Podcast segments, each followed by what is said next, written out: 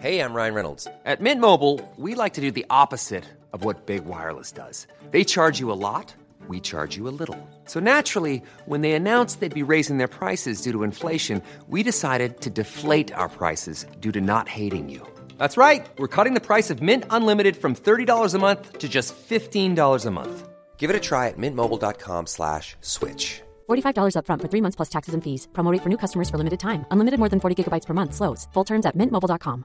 Hiring for your small business? If you're not looking for professionals on LinkedIn, you're looking in the wrong place. That's like looking for your car keys in a fish tank.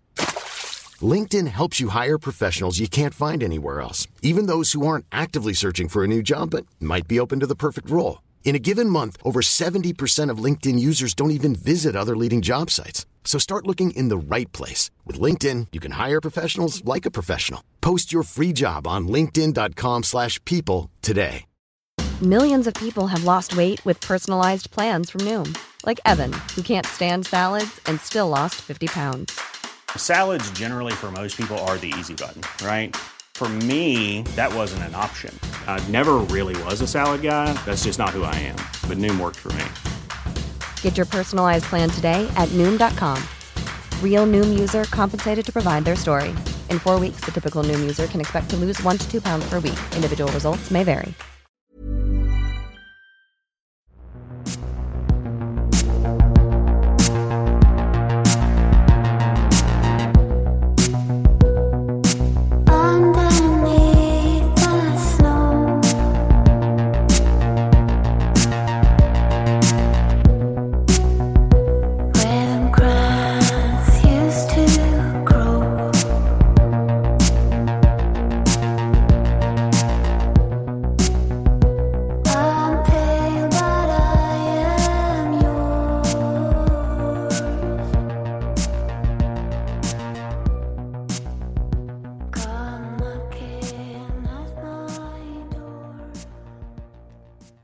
Olösta mord, Biggie och Tupac del 3.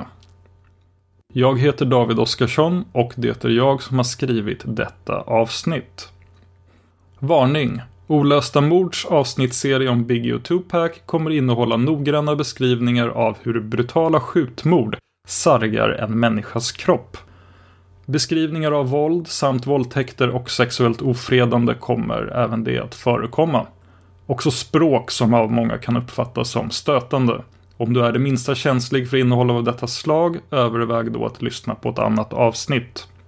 Obs om språket i avsnitten. Vi har gjort tämligen försvenskade översättningar av många av de uttalandena som rapparna har gjort. Dessa försvenskningar är inte helt i enlighet med vad de faktiskt säger, men vi har gjort så för att det ska bli enklare att förstå för dig som lyssnar. Många slanguttryck saknar perfekta motsvarigheter på svenska. Det här är en podd som bara ställer frågor och aldrig ger några svar. Vad tror du själv? Kontakta oss gärna med dina teorier om fallen vi tar upp. Kontaktinformation finns i avsnittstexten i din poddapp och i slutet av avsnittet. Kort resumé. När förra avsnittet slutade hade Tupac precis blivit skjuten och rånad i lobbyn på Quad Studios på Sjunde Avenyn i New York. Han låg inne på Bellevue i endast ett dygn för att genomgå de nödvändiga operationerna. Han förlorade en av sina testiklar, men i övrigt var Tupac inte dödligt sårad. Men frågan är om han hade någon anledning att andas ut. För det som väntade var ju den slutliga domen i rättegången om våldtäkten på Ayana Jackson. Som vi redan nämnt blev Tupac friad från anklagelserna om oral våldtäkt och även vapeninnehav. Han blev däremot dömd för att ha sexuellt ofredat Diana genom att ha tafsat på hennes skinkor. Straffet blev inte det mildaste, mellan 18 månader och 4 och ett halvt års fängelse. Mellan domen och avtjänandet av fängelsestraffet som skulle ske på Clinton Correctional Facility i New York från och med den 14 februari satt Tupac häktad på fängelseön Rikers Island i Bronx. Tupac befann sig mitt i en uppåtgående karriär som förvisso fått sig en törn på grund av våldtäktsanklagelsen som i sin tur lett till inställda konserter. Nu såg det dock ut som att det inte bara var hans rykte som stod på spel. Han skulle behöva sitta i fängelse i minst ett och ett halvt år. Dessutom var den borgen satt till 3 miljoner dollar. En ohemul summa som Tupac inte hade en chans i världen att betala. Med inflationsjustering skulle detta vara 5,8 miljoner dollar idag. Det är alltså 65 miljoner kronor. Innan fängelsestraffet i februari skulle Tupac dock ge ytterligare en intervju till tidningen Vibe den 15 januari 1995. Detta skedde från häktet på Rikers Island och i denna intervju sparade inte Tupac på krutet. Journalisten som fick göra intervjun var Kevin Powell. De två männen slog sig ned i ett konferensrum på Rikers Island. Tupac var nervös, kedjerökte cigaretter och inledde intervjun med att säga Detta är min sista intervju. Om jag blir mördad så vill jag att folk ska få veta allt. Jag vill att de ska få höra den riktiga historien. Vi återgav i förra avsnittet det som Tupac berättade om själva skjutningen. Vad han upplevde, vad han såg och vad han kände. Men nu ska vi fokusera på exakt vad han sade om det som hände direkt efter skjutningen. Du som lyssnar får själv avgöra huruvida Tupac markerar Biggie och Puff Daddy som inblandade i skjutningen eller inte. Men ett förtydligande först. Den Booker som Tupac talar om är den man som vi tidigare refererat till som Jimmy Henchman, en av Haitian Jacks kompisar och även manager till artisten Little Sean. När Tupac berättat klart om skjutningen för journalisten Kevin Powell kommer han in på minuterna direkt efteråt och säger När jag kom till övervåningen så såg jag mig om och det skrämde skiten ur mig. Då frågar journalisten Powell varför? Tupac svarar För att Andre Harrell var där. Puffy var där, Biggie. Det var runt 40 snubbar där. Alla hade på sig smycken, mer smycken än mig. Jag såg Booker och han hade den här blicken som att han var förvånad över att se mig. Varför? Jag hade ju just ringt via porttelefonen och sagt att jag skulle komma upp. Little Sean började böla. Och jag bara, varför grinar Little Sean? Och varför blev jag skjuten? Han grät okontrollerat, typ Herregud, Pack, du måste sätta dig ner. Jag kände mig skum, typ. Varför vill de få mig att sätta mig ned? Kevin Powell förstår inte riktigt vad det är Tupac tycker är konstigt med det sistnämnda och kontrar Fem kulor hade ju just passerat genom din kropp. Då svarar Tupac följande. Jag visste inte att jag blivit skjuten i huvudet än. Jag kände ingenting. Jag öppnade mina byxor och jag kunde se krutstänk och hålet i mina Carl Kani kalsonger. Jag ville inte dra ner dem för att se om jag hade kuken kvar. Jag såg bara ett hål där och sa sen, fan alltså, fixa en joint åt mig. Jag ringde min flickvän och bara, yo, jag blev precis skjuten. Ring min mamma och berätta för henne. Ingen kom fram till mig. Jag märkte att ingen ens tittade på mig. André Harrell tittade inte på mig. Jag hade varit på flera middagar med honom under de senaste dagarna. Han hade bjudit in mig till inspelningsplatsen för New York Undercover och hade sagt att han skulle fixa ett jobb åt mig. Puffy höll sig i skymundan han också. Jag kände Puffy. Han vet hur mycket fina saker jag hade gjort för Biggie innan han slog igenom. Och där slutcitat Tupac. Hey, it's Danny Pellegrino from Everything Iconic. Ready to upgrade your style game without blowing your budget? Check out Quince. They've got all the good stuff shirts and polos, activewear, and fine leather goods, all at 50 to 80% less than other high end brands. And the best part? They're all about safe, ethical, and responsible manufacturing. Get that luxury vibe without the luxury price tag. Hit up quince.com slash upgrade for free shipping and 365 day returns on your next order. That's quince.com slash upgrade. Many of us have those stubborn pounds that seem impossible to lose, no matter how good we eat or how hard we work out. My solution is plush PlushCare. PlushCare is a leading telehealth provider with doctors who are there for you day and night to partner with you in your weight loss journey. They can prescribe FDA-approved weight loss medications like Wagovi and Zepbound for those who qualify. Plus, they accept most insurance plans. To get started, visit plushcare.com slash weight loss. That's plushcare.com slash weight loss. I'm Sandra, and I'm just the professional your small business was looking for. But you didn't hire me because you didn't use LinkedIn jobs. LinkedIn has professionals you can't find anywhere else, including those who aren't actively looking for a new job but might be open to the perfect role, like me. In a given month, over 70% of LinkedIn users don't visit other leading job sites. So if you're not looking on LinkedIn, you'll miss out on great candidates like Sandra. Start hiring professionals like a professional. Post your free job on linkedin.com/people slash people today. Vi ska klargöra några av de namn som Tupac nämnt.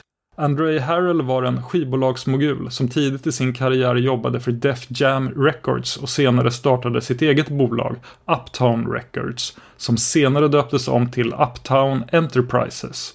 Han stod nära Puff Daddy och sägs ofta vara den som upptäckte Puffy och hjälpte honom att slå igenom. Och som vi nämnde tidigare, Booker är alltså samma person som James Jimmy Henchman Rosemond, kompisen till Haitian Jack, som hade velat att Tupac skulle komma till Quad Studios denna kväll för att lägga en vers på en av Little Seans låtar.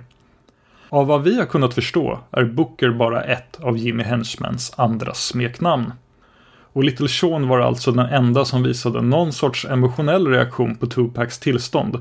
Detta går att läsa som att Tupac menar att alla andra i lokalen redan från början visste att skjutningen skulle äga rum, men inte exakt hur det skulle gå. I Wibe-intervjun verkar inte Tupac ha några specifika idéer om varför han skulle ha blivit skjuten, även om han i mångas ögon målade upp alla de nämnda, exklusive Little Sean, som inblandade.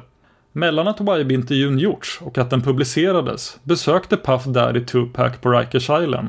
Detta för att, på heder och samvete, bedyra för Tupac att Puffy, Big och alla andra på platsen inte hade något att göra med skjutningen. Vi vet inte hur övertygad Tupac blev om saken, men kanske hade saker och ting gått i en fredligare riktning om det inte varit för den låt som kom ut till världen den 21 februari 1995. Då släpptes nämligen en utökad version av Biggies singel Big Poppa från hyllade debuten Ready to Die. Den utökade versionen kom både på CD och 12-tums vinyl och sju stycken extra spår på CDn och sex extra spår på vinylen. Big Poppa är en tämligen oskyldig poplåt som handlar om hur bra Biggie är på tjejer. Så det var inte det spåret som orsakade kontrovers. Utan det var B-sidan Who Shot Ya? Alltså, vem sköt dig? Första versen innehåller just orden Who Shot Ya? Och i versens andra rad rappar Biggie Hard to creep on them Brooklyn streets. Ungefärligen på svenska. Det är tufft jobb att smyga för att skjuta någon på Brooklyns gator. Låten handlar i övrigt om hur Biggie sätter hårt mot hårt och att han inte är någon som han jävlas med. Här hör ni ett exempel på detta. Come come here, come on, open your fucking mouth. Open your, did I tell you don't fuck with me? Huh? Did I tell you not to fuck with me? Huh? Look at you now. Huh? Can't talk with a gun in your mouth, huh? Bitch ass nigga. What?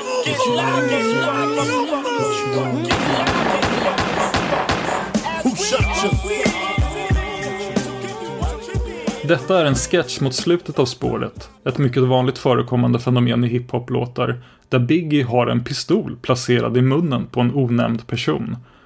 Om vi översätter det du hörde Biggie säga till svenska då blir det ungefär Så jag inte åt dig att inte jävlas med mig. Se på dig nu va, kan inte snacka med en pistol i käften va? Sketchen slutar sedan med hur Biggie tömmer magasinet i munnen på den stackars anonyme mannen. När låten kom till Tupacs kännedom blev han rasande. Han tolkade både titeln och orden i låten som både ett hån och ett slags erkännande. Det kanske inte är så konstigt. Däremot var det flera saker som kom till Tupacs kännedom som han valde att helt förbise.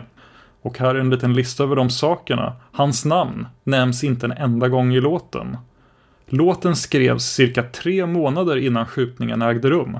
Det var ett av spåren som spelades in till Ready to Die-plattan men som istället fick bli en B-sida.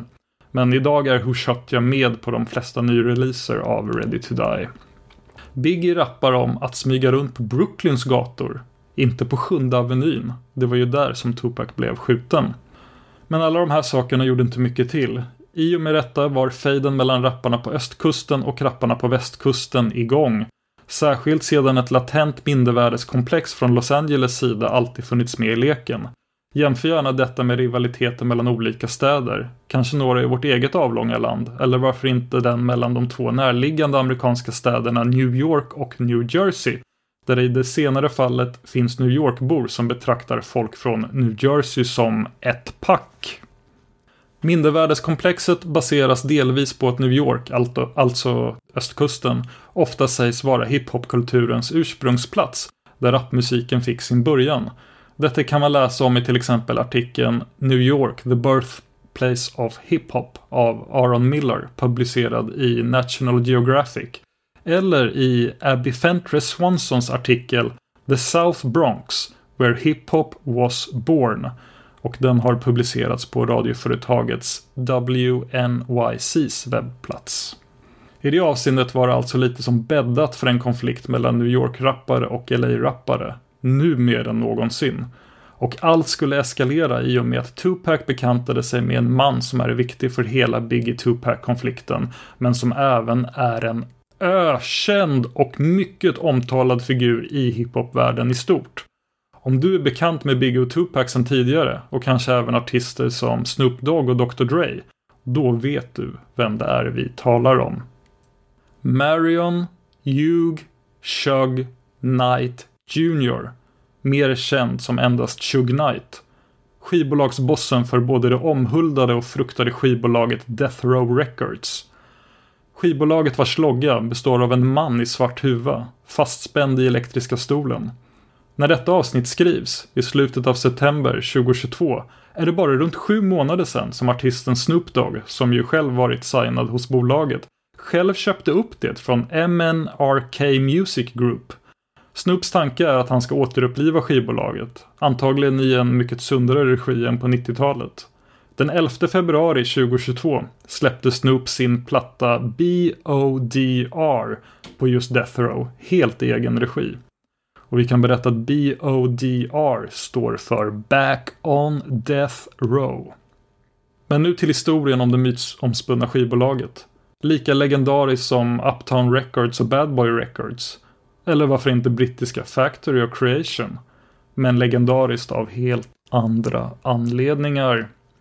Death Row Records grundades år 1991 av rapparen The DOC, eller The Doc.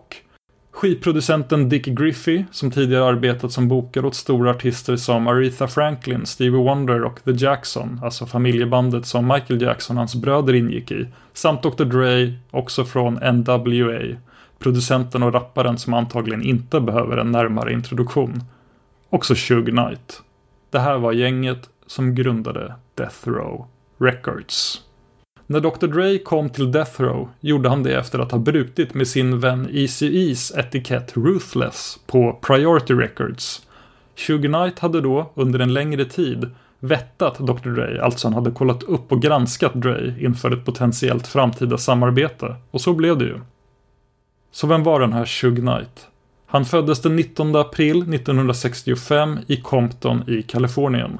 Shug kommer från ett smeknamn som han fick som liten, Sugar Bear. Inte ett helt ovanligt amerikanskt smeknamn.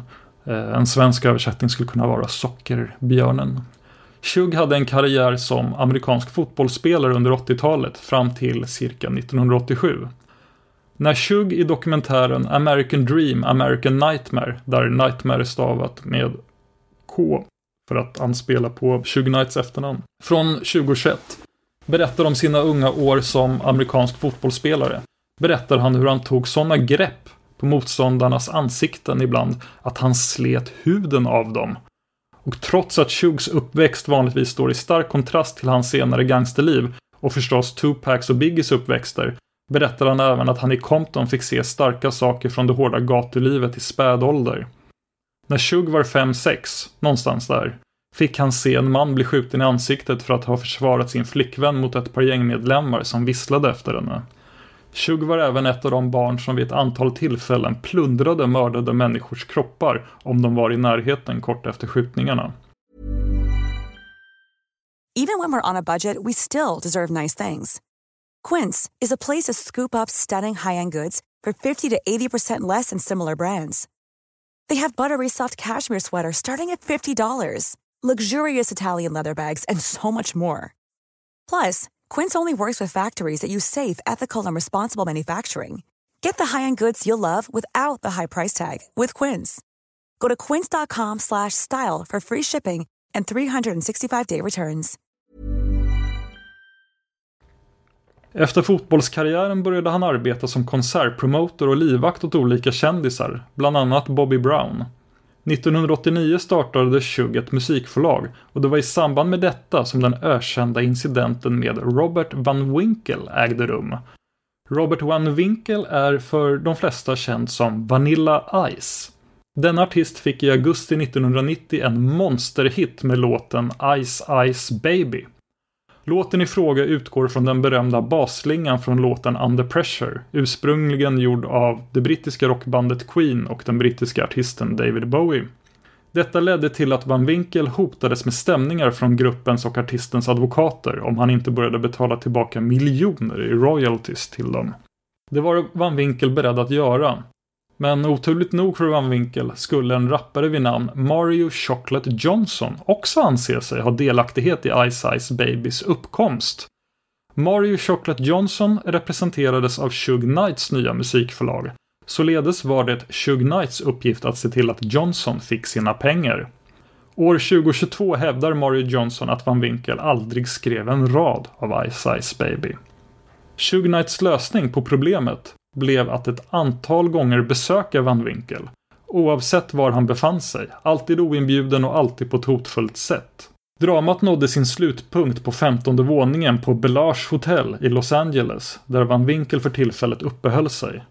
Van Winkels egna ord om händelsen, så nu är det alltså citat Vanilla Ice. Det som hände var att han redan befann sig i mitt hotellrum med några andra personer, några stora killar, såg ut som fotbollsspelare. Och när jag kommit in genom dörren stängde de den snabbt bakom mig. De hade några papper och Shug tog ut mig på balkongen, själv. Han knuffade runt min livvakt Chill i hallen, örfilade honom. Drog sitt vapen, visade sitt vapen. Han grinade praktiskt taget. Han trodde att de skulle döda honom. Han var så rädd. Han tog ut mig på balkongen och han tvingade mig att titta ut över balkongen, ner på gatan. Och när jag tittade ut från balkongen sa han till mig Du ska skriva under de här papprena. Om du kommer till min stad behöver du betala för att få leka brorsan. Och jag säger okej, okay, jag fattar. Slutcitat Vanilla Ice. I samma intervju som Van Winkel sagt detta frågar reportern varför Vanilla Ice inte gick till polisen och då svarar han Mannen, jag är ingen dåre. Du vet brorsan, jag är ingen dåre. Jag vill inte ha det där hängandes över mig och det där siktet mot min panna, mannen. Som jag sa, jag har ändå mer än vad jag någonsin kunnat drömma om. Så jag har inget att klaga på liksom. Jag handlade rätt i den där situationen. Jag sover gott om natten. Ingen press. Jag skrev under. Jag gav bort några miljoner och det blev starten på Death Row Records. Och sen fick jag alla Snoop Dogg. Och sen fick jag alla Dr Dre och Tupac. Och det är hela historien. Allt började med mig antar jag. Men på en omväg liksom. Det är knasigt. Och här har Van Winkel krattat lite för oss. För allt han säger är sant. Legenden om Shugs konfrontation med Van Winkel brukar också inkludera att han ska ha hållit Van Winkel i benen dinglandes från balkongen. Men det är idag tämligen motbevisat. Även om det hade passat legenden, för det är ett klassiskt och mycket obehagligt sätt som gangstrar hotar folk på ibland. Shug Knight fick Van Winkel att skriva över låten Ice Ice Babys samtliga rättigheter till Death Row Records. Eftersom Snoop Dogg köpte upp Death Row Records 2022 är det nu rimligtvis han som äger rättigheterna till låten. När det begav sig i början på 90-talet gjordes Shugs Ice Ice Baby-rikedomar att han kunde starta skivbolaget Death Row Records. Den första plattan som släpptes på bolaget via Interscope var Dr. Dres klassiska The Chronic som kom den 15 december 1992. Dr. Dre hade då redan slagit igenom med sin rapgrupp NWA som han lämnade samtidigt som rapparen The DOC lämnade samma skivbolag. Dr. Dres skivbolag innan Death Row, Ruthless Records, som styrdes av ECE, ville inte släppa Dr. Dre och The DOC, vilket ledde till att Shug Knight med entourage uppsökte Ruthless Records kontor och hotade skivbolagscheferna med järnrör. Det gjorde susen. Dr. Dre och DOC kunde riva sina kontrakt och börja jobba med Shug. Resten är historia. Dr. Dres och ECE's konflikt är en historia i sig. Dessförinnan hade dessutom en annan megastjärna inom rapvärlden, Ice Cube, lämnat NWA och Ruthless Records. Lyckligtvis inte för att börja samarbeta med Suge Knight. ICI, Dr. Dre och Ice Cube skrev efter allt detta disslåtar riktade mot varandra ända fram till 1995. Detta år avled nämligen ICI i sviten av AIDS, endast 30 år gammal. Dr. Dre och Ice Cube försonades med ECE var för sig innan ECEs tragiska bortgång. Men tillbaka till Death Row Records. Den 23 november 1993 släppte bolaget den ännu mer framgångsrika och lika klassiska plattan Doggy Style, Snoop Doggs debut. Den är, det är en himla bra skiva. Den hade sålt kvadrupelplatinum i USA redan 1994. Och innan Death Row hinner släppa fler skivor har vi kommit fram till vår tidslinje där Tupac precis börjat avtjäna sitt fängelsestraff på Clinton Correctional Facility. Efter att Tupac vant av sin kropp från de stora mängder cannabis och alkohol han annars konsumerade, när han rätt och slätt hade tänt av, då fick han tillbaka sitt intresse för att börja läsa igen. Böcker som Tupac tog sig igenom bakom galler var Niccolo Machiavellis klassiska skrift Fursten och Sun Tzus klassiska krigsfilosofiska verk Krigskonsten. Den 4 april 1995, efter att Tupac avtjänat nästan två månader av sitt straff, gifte han sig med dåvarande flickvännen Keisha Morris.